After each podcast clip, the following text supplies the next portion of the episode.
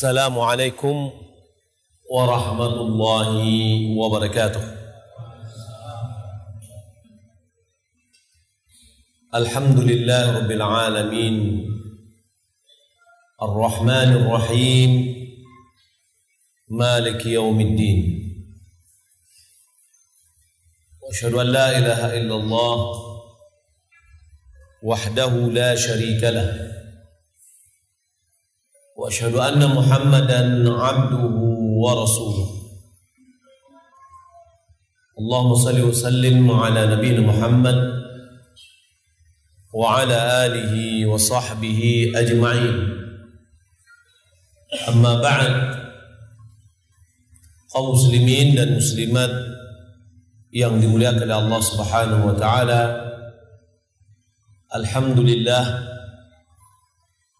Segala puji bagi Allah Subhanahu wa taala yang senantiasa mencurahkan nikmat dan karunia-Nya kepada kita. Kehidupan kita yang kita lalui tidak sedetik pun kecuali selalu di bawah karunia dan nikmat Allah. Sehingga kita juga selalu memohon kepada Allah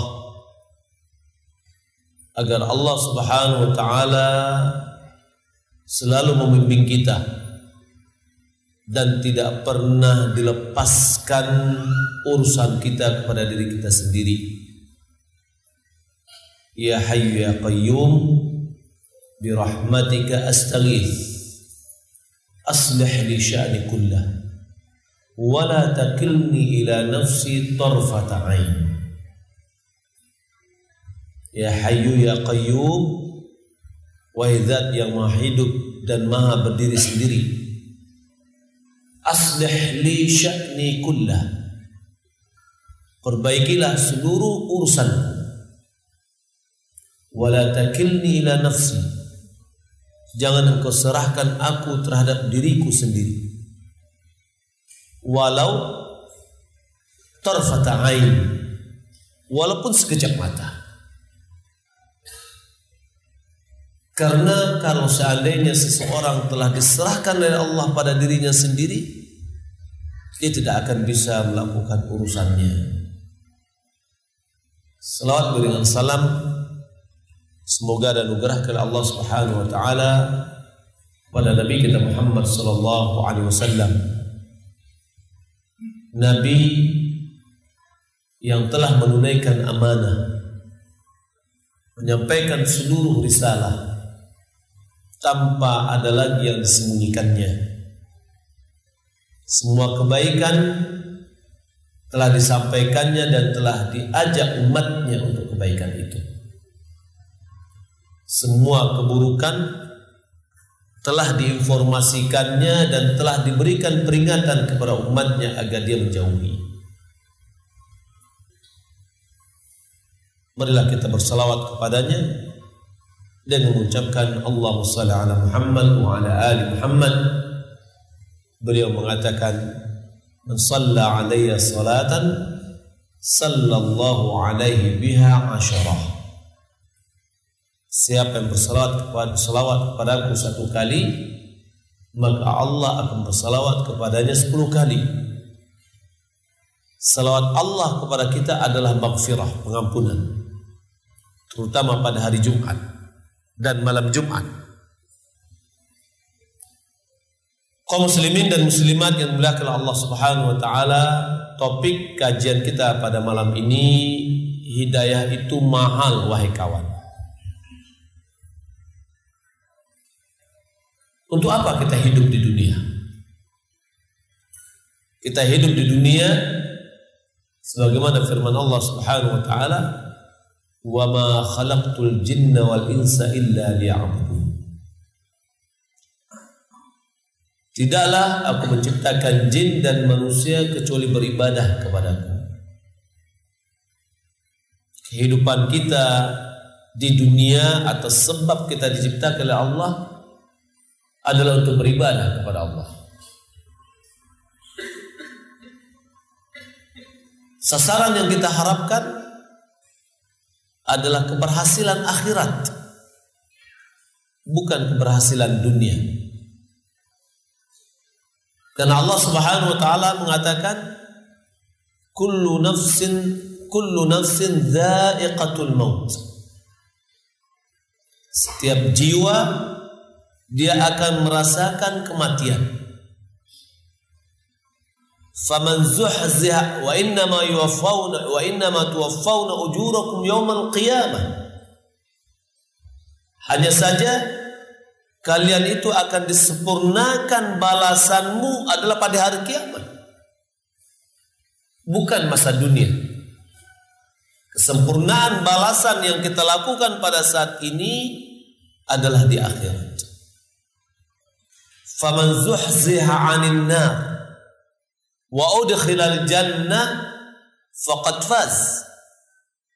Siapa yang dijauhkan dari api neraka dan dimasukkan ke dalam surga, sungguh dia telah beruntung. Sungguh dia telah menang. Dia menang di dunia dan menang di akhirat. Kemenangan hakikat, kemenangan yang hakiki keberhasilan hakiki adalah masuknya seorang ke dalam surga. Wa mal hayatud dunya illa mata'ul ghurur. Tiadalah kehidupan dunia itu kecuali kesenangan yang menggiurkan, kesenangan yang menipu, kemegahan dunia ketika seseorang di dalam tujuan hidup di dunia ini dia lupa. Maka dia akan tergiur dan terbawa oleh kemegahan dunia. Kalau kita contohkan sekolah misalkan, sekolah SMA deh. Anak-anak yang masuk ke dalam SMA Tujuan dia masuk SMA supaya dia bisa sukses untuk mencapai perguruan tinggi. Maka di dalam sekolah itu ada fasilitas untuk mencapai target dia untuk bisa ke, kuliah perguruan tinggi.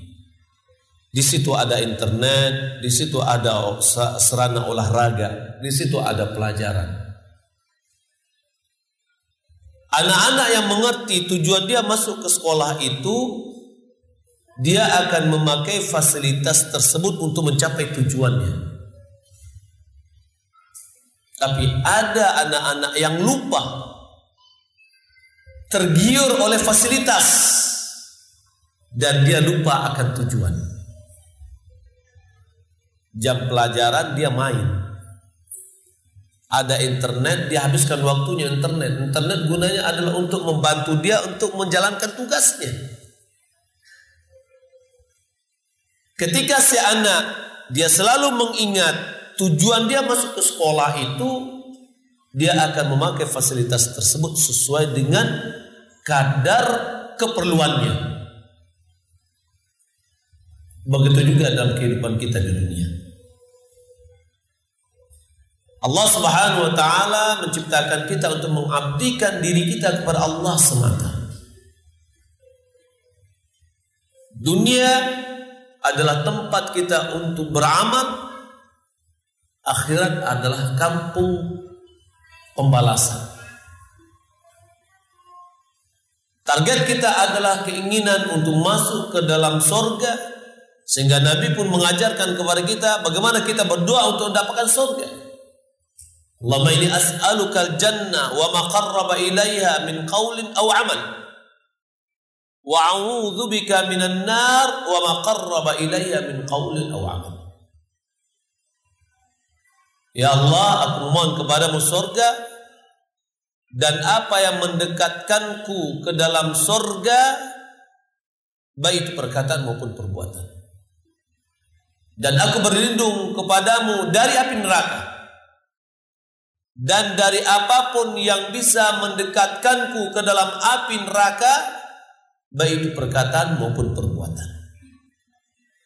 Nabi juga mengajarkan kepada kita untuk memohon berdoa kepada Allah agar kita mendapatkan firdaus al-a'la. Doa bagian dari ikrar seseorang yang akan ditujunya dan akan dia capai. Begitu penting dan begitu indah yang akan kita capai. Akan tetapi kita melihat rintangan dan halangan ketika kita hidup di dunia ini banyak. Nabi Shallallahu Alaihi Wasallam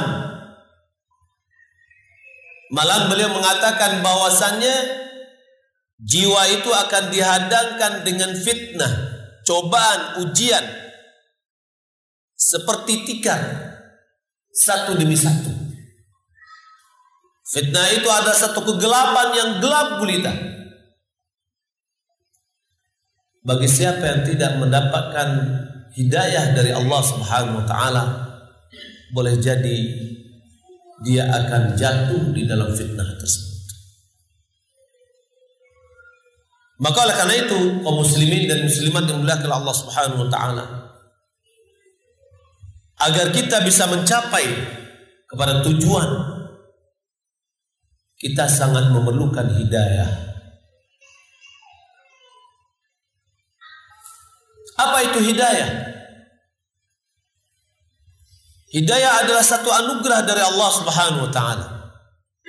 Pertolongan dari Allah Subhanahu wa taala agar kita selalu berada di atas jalan yang lurus.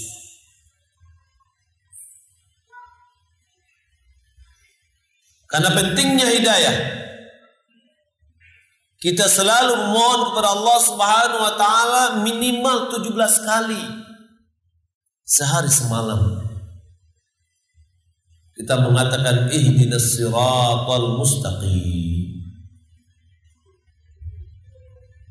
Ya Allah, tunjukkanlah kepada kami jalan yang lurus. Dalam ungkapan kita ihdinas siratal mustaqim, Seakan-akan kita memohon kepada Allah taufik.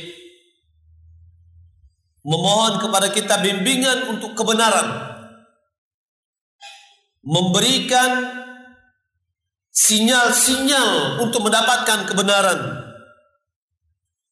Dan supaya diberikan kekokohan, keteguhan hati di atas kebenaran itu sampai kita meninggal dunia. Seakan-akan kita mengatakan Alhimna ya Rabbana Wafiqna wa arshidna wa dallana ala tariqil khairi wal huda wal falah Ya Rabb kami ilhamkan kepada kami. Berikan kami taufik tunjukkan kepada kami untuk bisa mendapatkan jalan yang baik. Jalan petunjuk dan jalan keberuntungan. Yaitu jalan yang akan menghantar kita kepada Allah Subhanahu wa taala. Jalan yang membawa kita kepada surganya dengan mengenal kebenaran dan menjalankan kebenaran serta konsisten di atas agama Islam dan meninggalkan selain dari itu. Oleh karena itu juga Nabi mengajarkan kepada kita mengajarkan kepada kita satu doa ya muqalliban qulub. Sabbit qalbi ala dinik. Wa yang membolak-balikan hati kokohkan hatiku di atas agamamu. Kenapa? Qalb tersebut dinamakan dengan qalban. Limadha sumiyal qalbu uh, limadha sumiyal qalbu qalban? Lianna al qalbu litaqallubihi dia sering berbolak-balik. Dia sering labil. Maka kita memohon kepada Allah Subhanahu wa taala agar berikan keteguhan. Hidayah itu dua jenis. Hidayah yang pertama adalah hidayah taufiq. Hidayatul ilham wa tasdid. Ini adalah makna hidayah pertama atau jenis hidayah pertama. Yaitu hidayah untuk diberikan kepada kita taufik keimanan. Di mana Allah Subhanahu wa taala menciptakan hidayah itu pada seorang hamba dan menganugerahkannya. Hidayah ini khusus untuk Allah Subhanahu wa taala. Tidak ada seorang pun dari makhluk yang bisa menganugerahkan kepada orang lain. Karena ini adalah khususan Allah Subhanahu wa taala.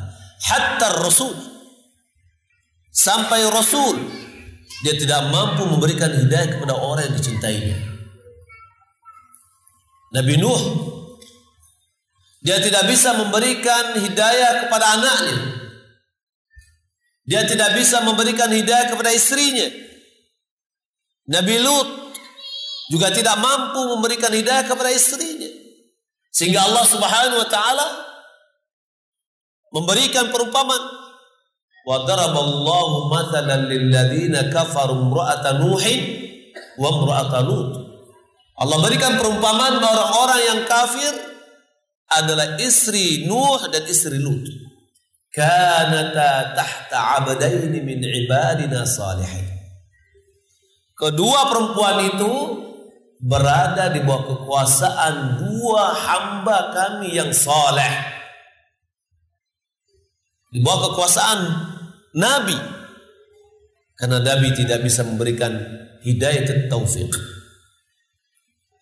Rasulullah Shallallahu Alaihi Wasallam dia tidak bisa memberikan hidayah kepada pamannya yang betul-betul tahu dan bersih bersih tahu bagaimana kebenaran agama Rasulullah?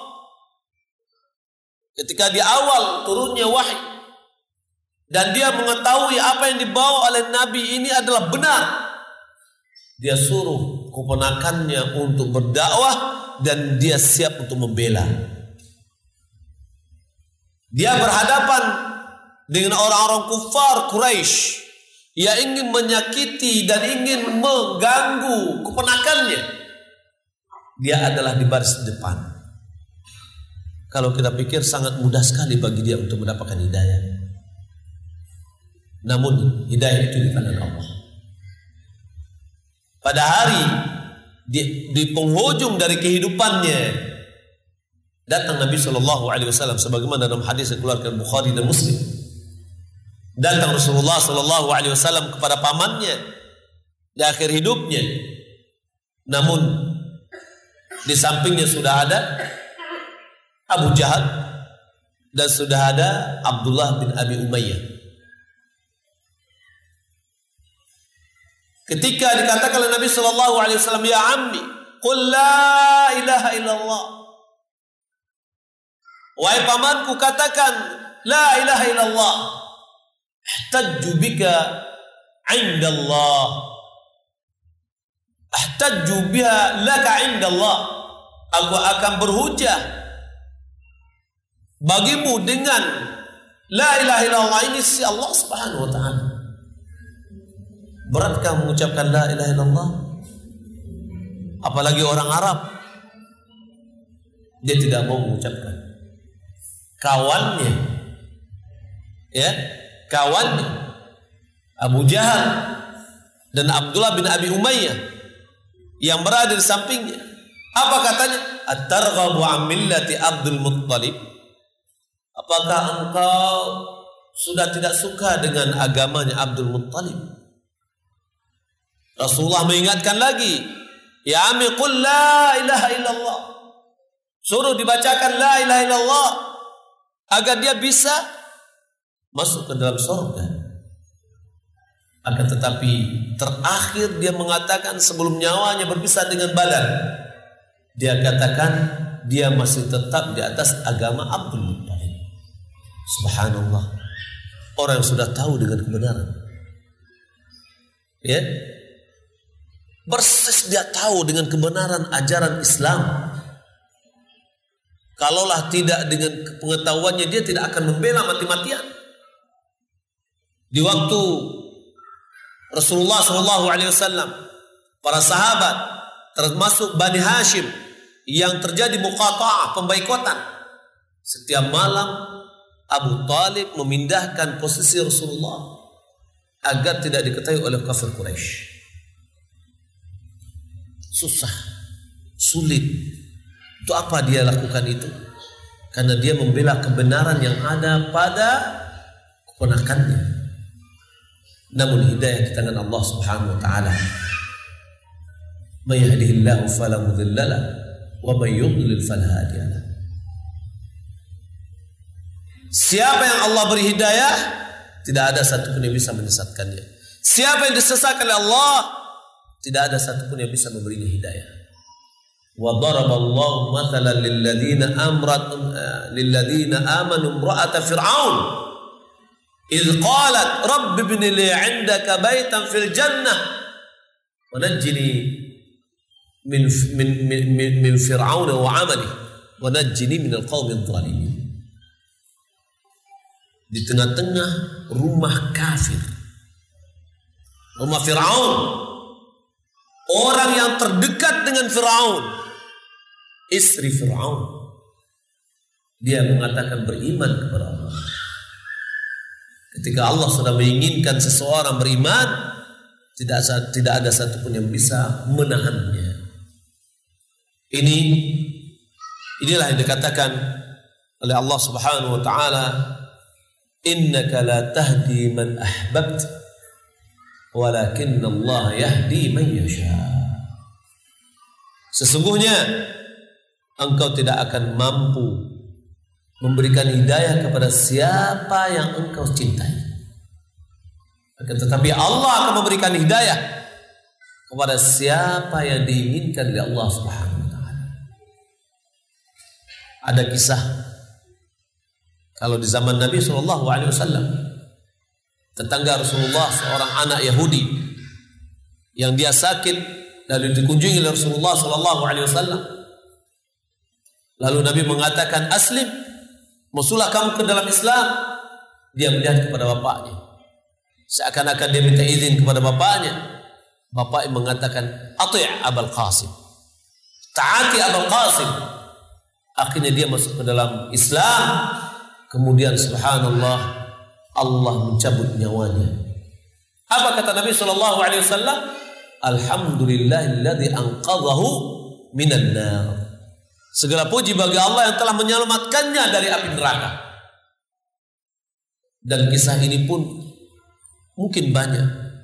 Di antaranya pernah seorang orang uh, orang orang orang Filipina yang dia bekerja di Arab Saudi dia dia masuk sakit, masuk rumah sakit, datang beberapa orang dari Islamic Center kantor penerangan Islam dan mengajak dia untuk masuk Islam. Lalu dia bersyahadat. Tidak lama dari bersyahadat dia meninggal dunia. Subhanallah. Hidayah. Dan itu adalah hidayah taufik. Hidayah taufik adalah milik Allah Subhanahu wa taala. Hanya saja kita berusaha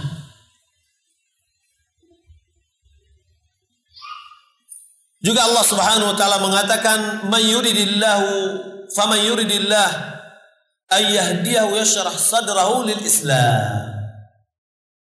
Siapa yang Allah inginkan seseorang itu akan diberinya hidayah untuk Islam, maka Allah bukakan hatinya terhadap Islam. Ini adalah hidayah taufik. Hidayah kedua atau jenis yang kedua adalah hidayatul irsyad, hidayatul dilalah, hidayatul dakwah dan uh, hidayatul irsyad.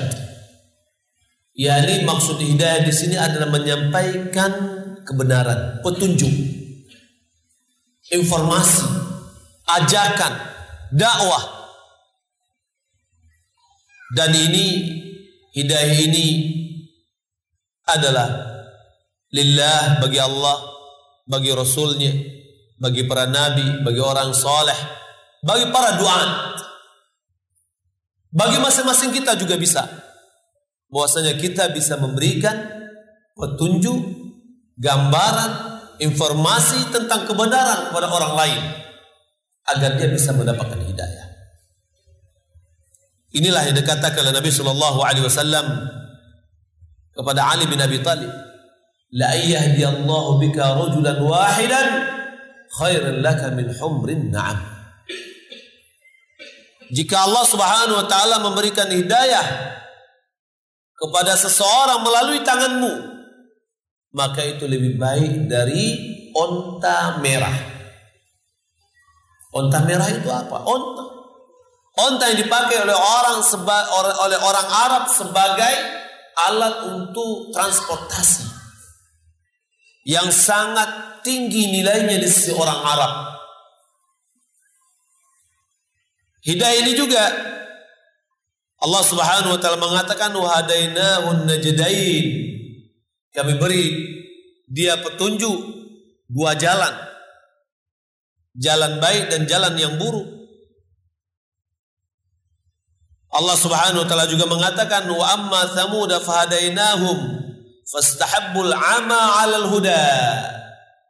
Adapun kaum Samud kami telah beri petunjuk mereka, yakni kami beri penerangan, dilalah, petunjuk, arahan, informasi tentang kebenaran kami telah berikan kepada mereka. Namun mereka lebih menyukai buta daripada hidayah. Allah Subhanahu wa taala juga mengatakan, "In hadzal Qur'an yahdi lillati hiya aqwam." Sesungguhnya ini Al-Quran Dia akan memberikan petunjuk kepada yang lebih baik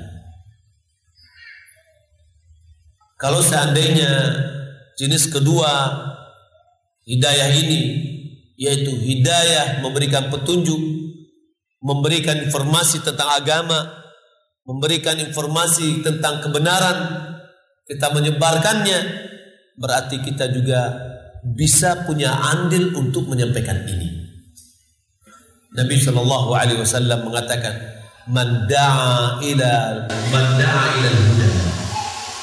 Siapa yang mengajak kepada kebenaran, kana lahu ajruhu. Dia akan mendapatkan pahala, pahala kebenaran itu. Wa ajru man dan pahala orang yang mengikutinya min ghairi an yanqusu min ujurihim syai'a tanpa dikurangi pahala mereka sedikit pun.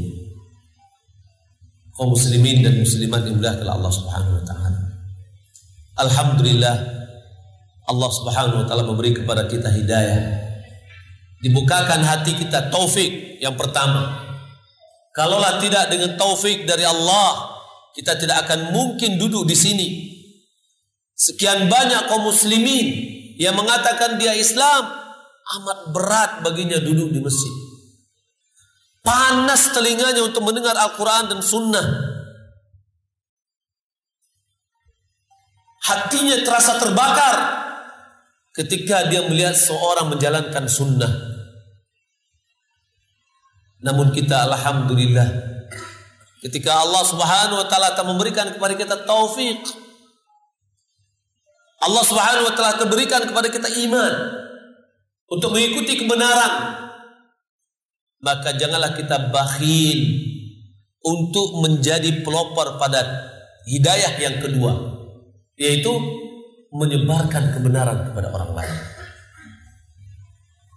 Jadilah kita pelopor apa yang sudah bisa ketahui kita sampaikan kepada orang lain Nabi Shallallahu Alaihi Wasallam mengatakan ahadukum hatta yuhibba li akhihi ma yuhibbu li nafsi. Tidaklah sempurna iman seseorang sampai dia mencintai untuk saudaranya apa yang dia cintai untuk dirinya. Kita mencintai untuk diri kita mendapatkan hidayah. Begitu juga kesempurnaan keimanan kita, bagaimana hidayah kita bisa kita suguhkan kepada teman kita, kepada saudara kita, keluarga kita terutama orang tua kita, sanak famili kita. Kita sampaikan kepada mereka. Kita berikan dengan suguhan yang baik. Dan ini adalah peran kita di dalam menyampaikan hidayah. Kebenaran kaum muslimin dan muslimat mulia Allah Subhanahu wa taala berat. Berat sekali kebenaran itu. Sebagaimana kita dahulunya sebelum diberi hidayah oleh Allah sangat berat kita untuk mengikuti sunnah. Ketika kita diajak oleh orang selalu kita meremehkan, melecehkan. Akan tetapi sekarang alhamdulillah Allah sudah mudahkan bagi kita. Orang lain dia juga seperti kita dahulu. Maka ketika kita tahu dengan kebenaran, jangan dan kebenaran itu adalah berat, jangan kita tambah berat kebenaran dengan berat sikap kita. Kalau kita bawa kepada makanan, jika seandainya kita membuat satu makanan yang baik, yang enak-enak, orang tidak akan tertarik dengan makanan yang baik ini jika penyajian kita tidak bagus. Taruh di atas piring, tapi piringnya kotor. Maukah orang akan memakan makanan yang yang seenak-enaknya makanan? Tidak. Tapi kita bikin masakan yang ala kadar. Namun kita suguhkan dengan suguhan yang baik. Pertama orang sudah tertarik untuk ingin makan. Dia belum tahu bagaimana rasanya. Tetapi dengan suguhan yang baik. Ya, menjadikan orang lain menjadi tertarik. Maka oleh karena itu kita sebagai pelopor hidayah yang kedua yaitu memberikan petunjuk bimbingan kepada orang lain maka hendaklah kita menyuguhkannya menyuguhkannya dengan cara yang baik sehingga orang lain tertarik untuk mendapatkan hidayah. Kaum muslimin dan muslimat yang dimuliakan Allah Subhanahu wa taala, apa-apa saja sebab untuk mendapatkan hidayah. Sebab-sebab untuk mendapatkan hidayah ada beberapa. Yang pertama adalah as-sidqu ma'allah. Jujur dengan Allah.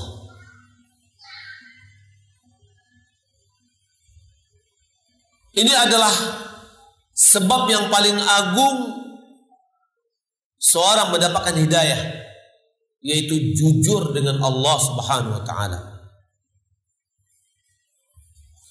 Ketika seorang mengatakan dia ingin mendapatkan kebenaran, dia ingin beragama dengan baik, adalah dia betul-betul jujur kepada Allah Subhanahu wa taala.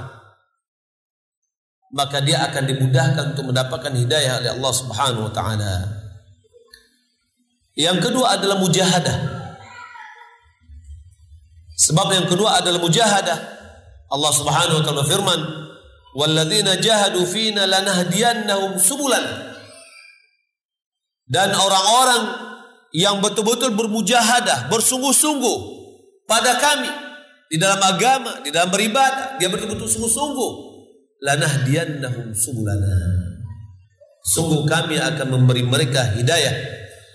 Wa inna Allah la ma'al muhsinin dan sesungguhnya Allah sungguh bersama orang-orang muhsin. Apa itu ihsan?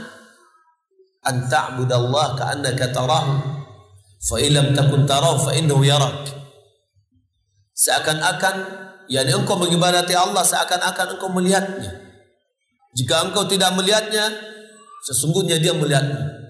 Apa maksudnya di sini? Yani Seseorang yang beribadah betul-betul dia memberikan yang terbaik. Maka yang dimakan dengan muhsin adalah orang yang melakukan ibadah kepada Allah sesuai yang diinginkan oleh Allah Subhanahu wa taala. Maka mujahadah bersungguh-sungguh kepada Allah Subhanahu wa taala ini adalah salah satu sebab dia akan mendapatkan hidayah. Kita lihat contoh dari perjalanan seorang untuk mendapatkan hidayah yang sangat terkenal adalah Salman Al-Farisi. Itu adalah contoh orang yang jujur dengan Allah dan contoh orang betul-betul bermujahadah untuk mendapatkan kebenaran. Dari seorang anak yang sangat manja, yang sangat dicintai oleh orang tuanya, dan orang tuanya adalah seorang bangsawan, dia meninggalkan kekayaan dan kenikmatan hidupnya. Dia mulai mencari hidayah. Sampai di dalam perjalanan mencari hidayah, dia menjadi seorang budak. Yang akhirnya ketika dia sudah mendapatkan hidayah datang kepada Nabi Shallallahu Alaihi Wasallam, dia berusaha untuk membebaskan dirinya dari keperbudakan. Orang bangsawan, kemudian dia menjadi budak. Gara-gara dia ingin mendapatkan hidayah dan itu adalah orang yang jujur dengan Allah. Terkadang kaum muslimin dan muslimat dimuliakan Allah Subhanahu wa taala ketika dalam perjalanan kita untuk menuju hidayah terjadi halangan dari tangan. Ujian dari Allah Subhanahu wa taala. Di antara kita mungkin dahulunya dia belum mengerti tentang riba. Setelah dia tahu dengan riba bahwasanya riba itu adalah haram diperangi oleh Allah Subhanahu wa taala dan rasulnya. Dia ingin meninggalkan pekerjaannya itu. Tapi setelah dia meninggalkan pekerjaannya tidak semulus apa yang dibayangkan. Seorang manajer di bank konvensional misalkan. Dia tinggalkan kemegahan gaji yang tinggi, gaji yang banyak, kemegahan yang telah didapatkannya. Dia tinggalkan itu semua dengan berharap pindah dengan mudah boleh jadi tidak. Boleh jadi kita diuji. Jujur gak kita dengan Allah Subhanahu wa taala? Allah Subhanahu wa taala akan mengatakan alif lam dalam surat Al-Ankabut ayat 1, 2 dan 3. Hasiban nas an yutraku an yaqulu amanna hum la yuftanun. Apakah manusia itu mengira bahwasanya dia cukup mengatakan kami telah beriman kepada Allah lalu mereka tidak diuji? Sungguh kami telah menguji orang-orang sebelum sebelum mereka sehingga Allah mengetahui siapa yang jujur dan siapa yang berbohong. Dan ini adalah as-sidq Allah Subhanahu wa taala. Yang ketiga, sebab kita mendapatkan hidayah adalah iman kepada Allah Subhanahu wa taala. Allah Subhanahu wa taala mengatakan tentang orang-orang mukmin yahdihim rabbuhum biimanihim tajri min tahtihimul anhar fi jannatin na'im. Allah Subhanahu wa taala memberi mereka hidayah disebabkan keimanan yang mereka miliki. Sehingga mereka masuk ke dalam surga. Di bawahnya mengalir sungai-sungai yang mereka kekal di dalamnya. Keimanan sangat penting. Karena tanpa keimanan terkadang sulit seseorang itu mendapatkan hidayah. Namun keimanan itu akan menambah hidayah yang telah Allah Subhanahu wa taala berikan kepadanya. Yang keempat adalah Al-Qur'an. Al-Qur'an adalah kitab hidayah. Al-Quran bukan kitab ilmu tetapi adalah Al-Quran adalah kitabul hidayah. Allah subhanahu wa ta'ala mengatakan syahr Ramadan alladhi unzila fihi al-Quran hudan linnas wa bayyinatin minal huda wal furqan. Bulan Ramadan diturunkan di dalamnya Al-Quran sebagai petunjuk bagi manusia. Petunjuk bagi manusia. Tidak hanya orang mumin saja. Semua orang yang membaca Al-Quran dia akan mendapatkan petunjuk kepada Allah Subhanahu wa taala jika dia jujur kepada Allah Subhanahu wa taala. Kaum muslimin dan muslimat yang dimuliakan Allah Subhanahu wa taala. Apa-apa saja hidayah yang seorang hamba adalah dia berharap kepada Allah Subhanahu wa taala. Ada beberapa hidayah yang seorang hamba adalah dia memohon kepada Allah untuk mendapatkan hidayah itu Di antaranya adalah hidayah untuk bertaubat dari maksiat. Sering kita jatuh dalam maksiat dan terkadang orang yang jatuh ke maksiat belum mendapatkan hidayah untuk bertaubat. Yang kedua, hidayah yang diminta agar dia diberi hidayah untuk kokoh dan tetap di atas kebenaran, di atas istiqamah. Dan ini adalah berat. Istiqamah itu berat kaum muslimin dan muslimat yang Allah Subhanahu wa taala. Allah berfirman dalam surat Hud, "Istaqim kama umirt." Istiqamahlah sebagaimana engkau diperintahkan. Nabi sallallahu alaihi wasallam mengatakan, "Syayyabatni Hudun wa akhwatuha." Surat Hud dan yang lainnya telah menjadikan aku beruban. Istiqamah boleh jadi sekarang ini kita istiqamah, besok mulai sedikit kendur, turun dan naik. Hidayah yang ada pada kita. Maka kita memohon kepada Allah Subhanahu wa taala agar selalu berada di atas istiqamah, di atas hidayah dan terus menerus di atas istiqamah. Jam berapa masuk? Udah masuk ya? Baik, kita tambah dua lagi nanti insya Allah kita selesaikan. Kemudian yang ketiga, memohon kepada Allah Subhanahu wa taala agar Allah selalu memberi kepada kita hidayah untuk masa depan. Sebagaimana kita telah diberi hidayah se se uh, pada hari-hari sebelumnya, kita juga berharap kepada Allah Subhanahu wa taala pada hari-hari yang akan datang selalu Allah Subhanahu wa taala memberikan hidayah kepada kita. Dan kemudian yang kita minta lagi adalah agar Allah selalu menambah hidayah kepada kita. Kita diajarkan oleh Nabi Shallallahu Alaihi Wasallam satu doa. Allahumma inni as'aluka al-huda wat tuqa wal afafa wal ghina. Ya Allah aku mohon kepadamu hidayah. Baik hidayah taufik ataupun hidayah irsyad atau as-sabat ala hidayah. Tetap di atas hidayah. Kemudian kita mohon kepada Allah agar diberikan takwa. Apa hakikat takwa? Hakikat takwa adalah takut kepada Allah Subhanahu wa taala sehingga kita menjalankan perintahnya dan meninggalkan larangannya.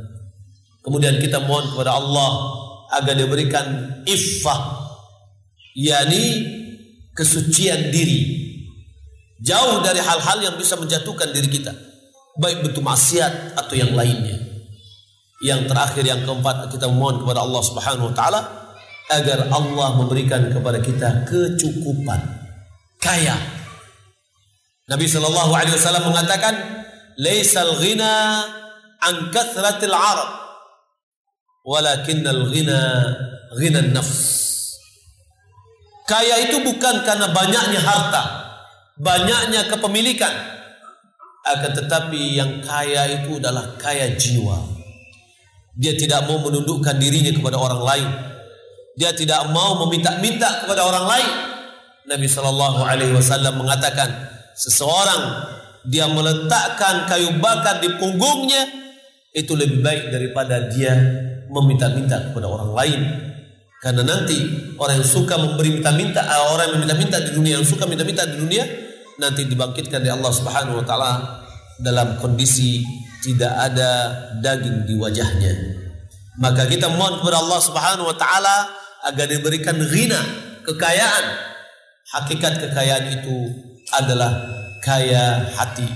Mudah-mudahan apa yang kita sampaikan ini bermanfaat. وصلى على محمد وعلى آله وصحبه أجمعين. والسلام عليكم ورحمة الله وبركاته.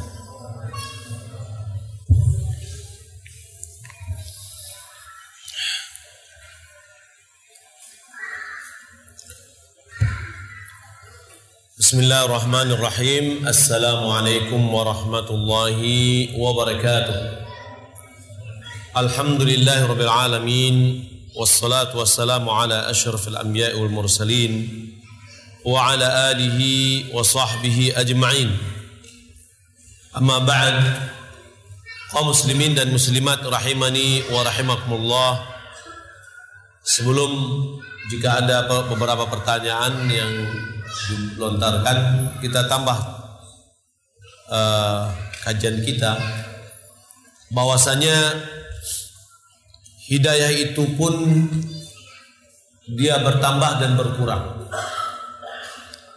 sebagaimana iman dia bertambah dan berkurang hidayah pun bertambah dan berkurang.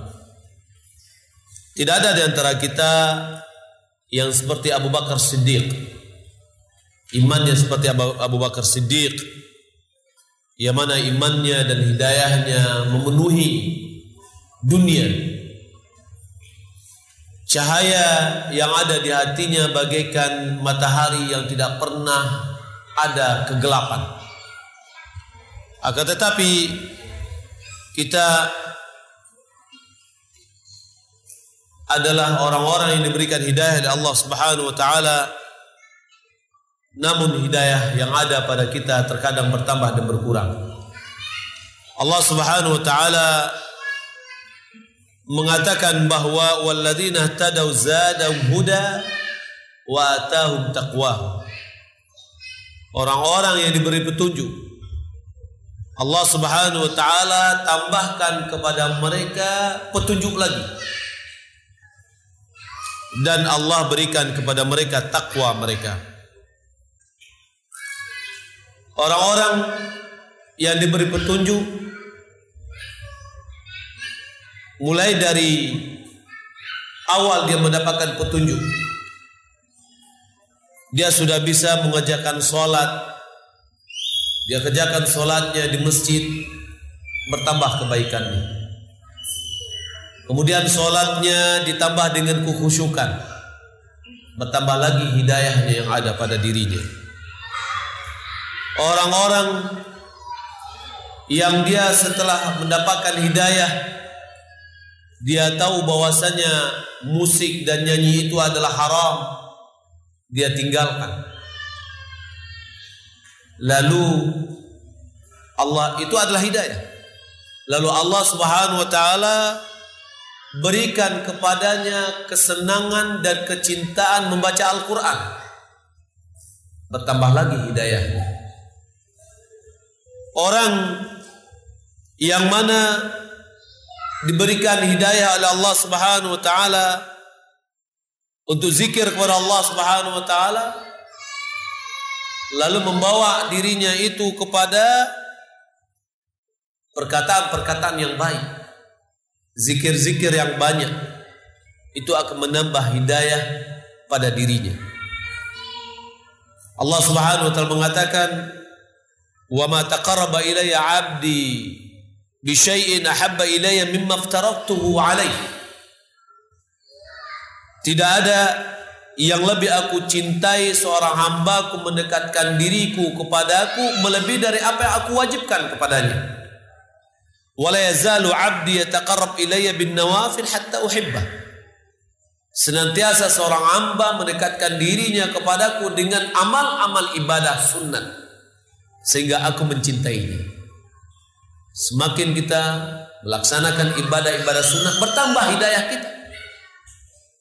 Maka siapa yang berjalan di atas jalan yang benar, setiap dia melangkahkan kakinya di atas jalan yang benar itu akan bertambah hidayahnya.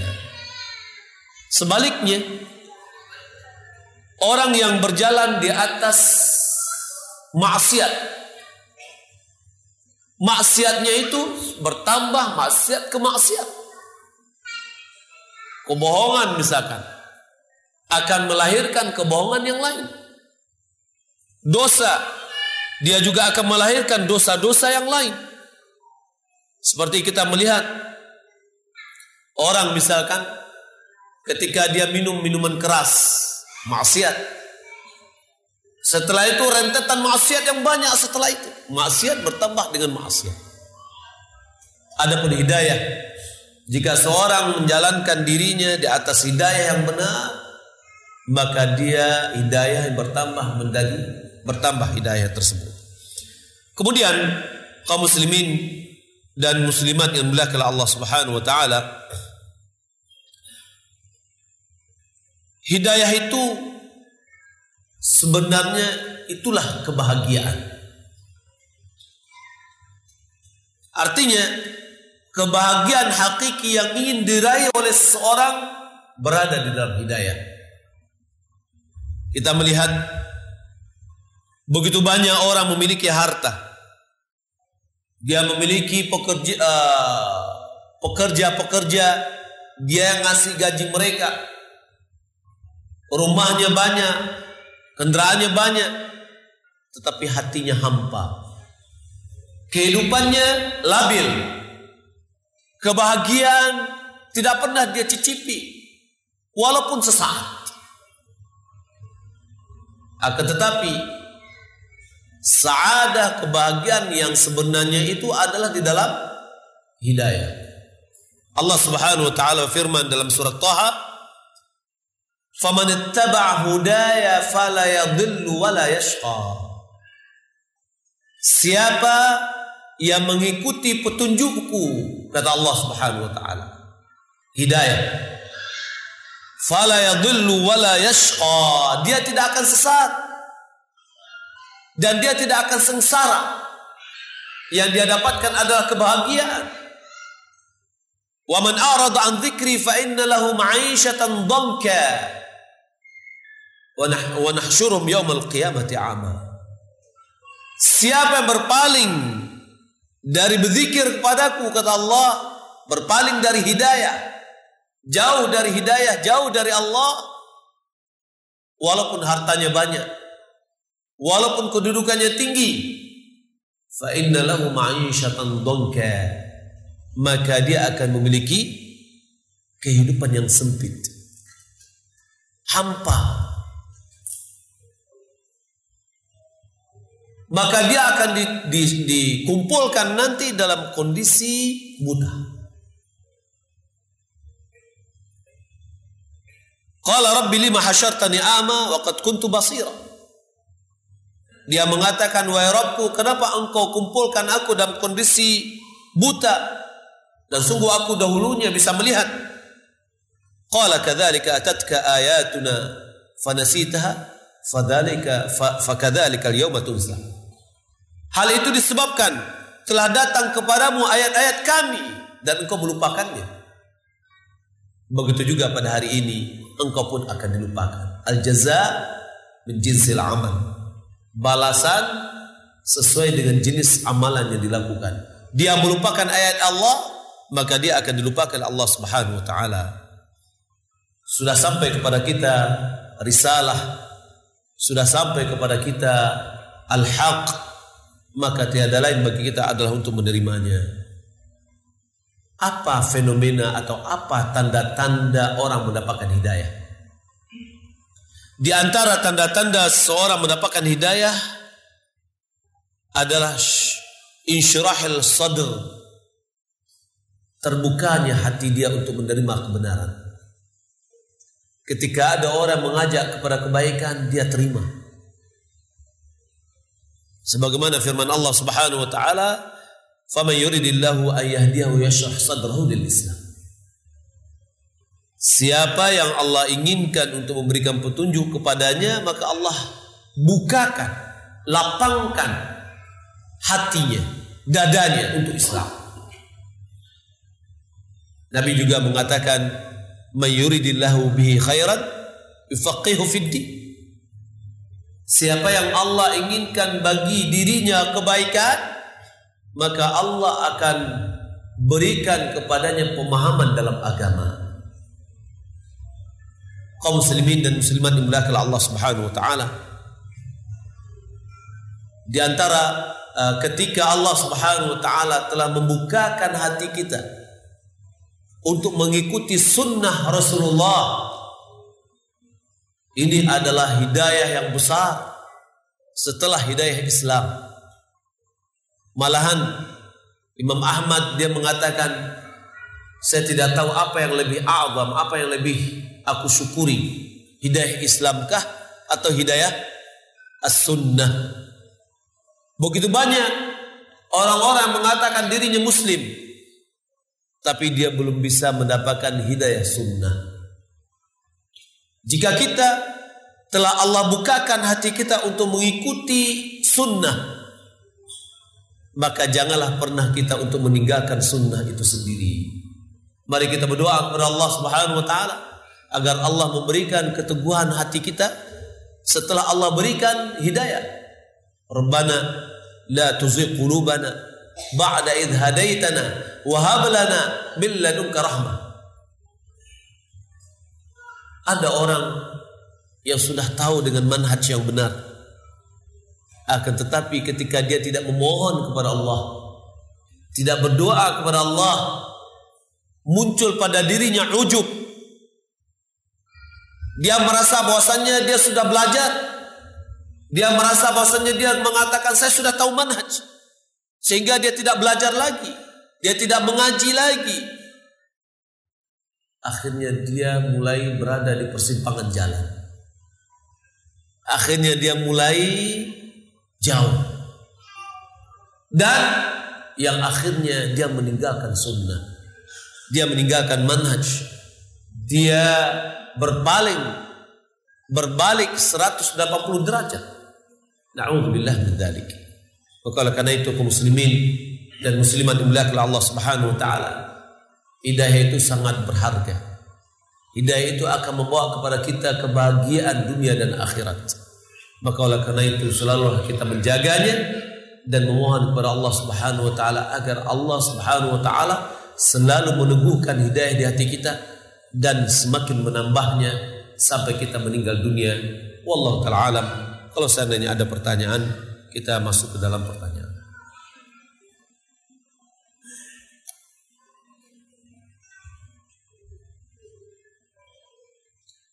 Ustaz, apakah kita bisa membantu adik atau saudara kita agar bisa mendapatkan hidayah?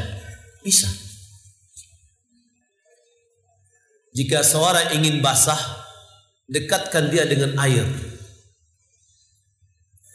Kalau dijauhkan dia di air, dia tidak akan basah.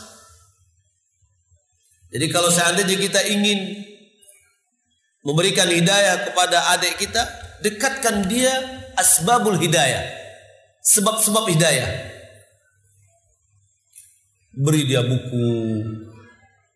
Ya. Berikan kepada dia nasihat-nasihat tetapi jangan selalu memberi nasihat.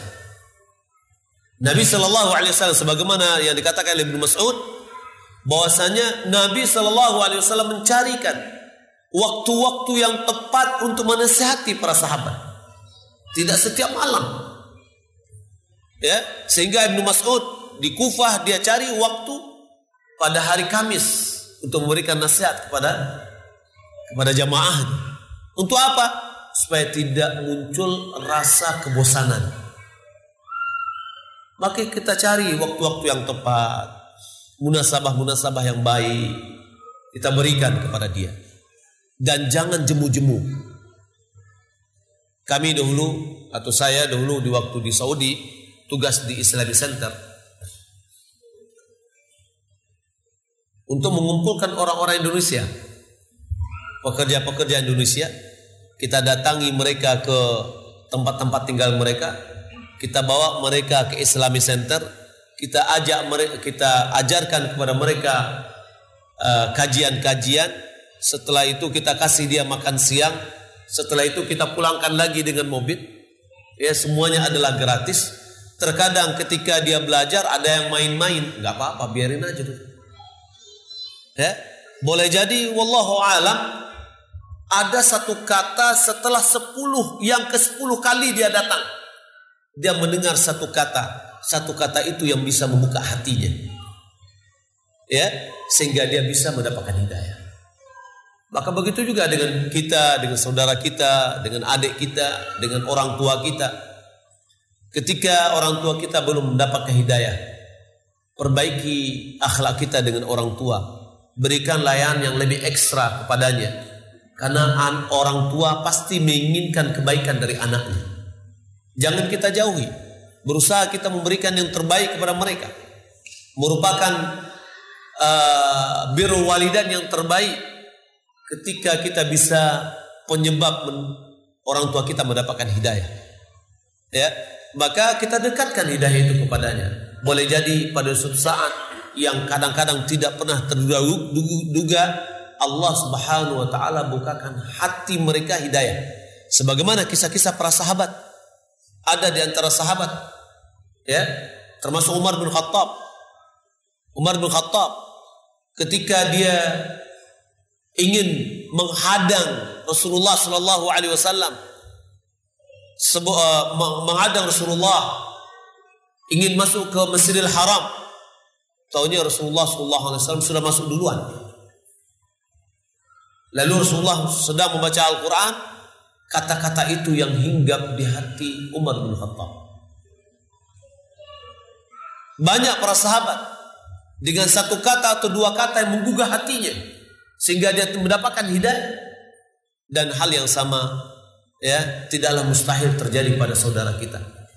Maka seringlah kita memberikan nasihat dan cari waktu yang tepat. Terkadang memang uh, saudara kita ada di antaranya tidak mau seperti diajarin. Tapi bahasa kita diperbaiki.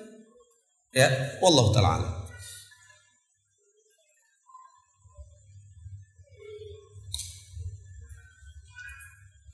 Bagaimana cara agar adik kita mendapatkan hidayah untuk rajin sholat lima waktu dan supaya mau berhijab?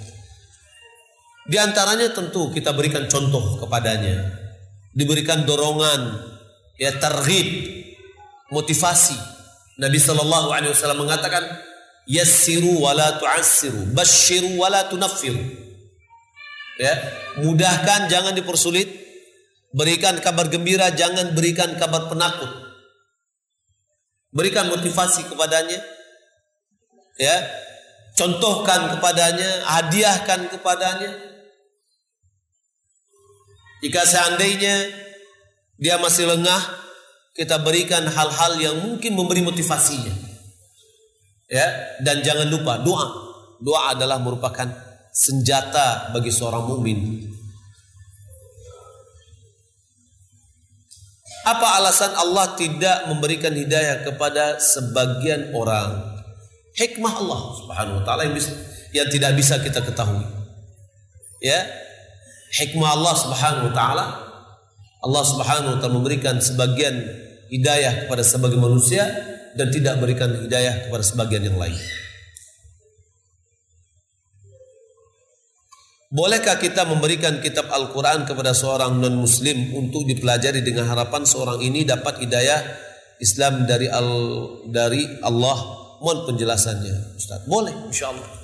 Kita berikan dia Al-Quran terjemahan, ya, sehingga dia tahu kalau Al-Quran tidak terjemahan dia tidak akan dapat membacanya nggak bisa, ya. Tapi kita berikan kepadanya Al-Quran terjemahan. Kita suruh dia membacanya, ya dan itu tidak apa-apa, tidak ada larangan. Wallahu taala.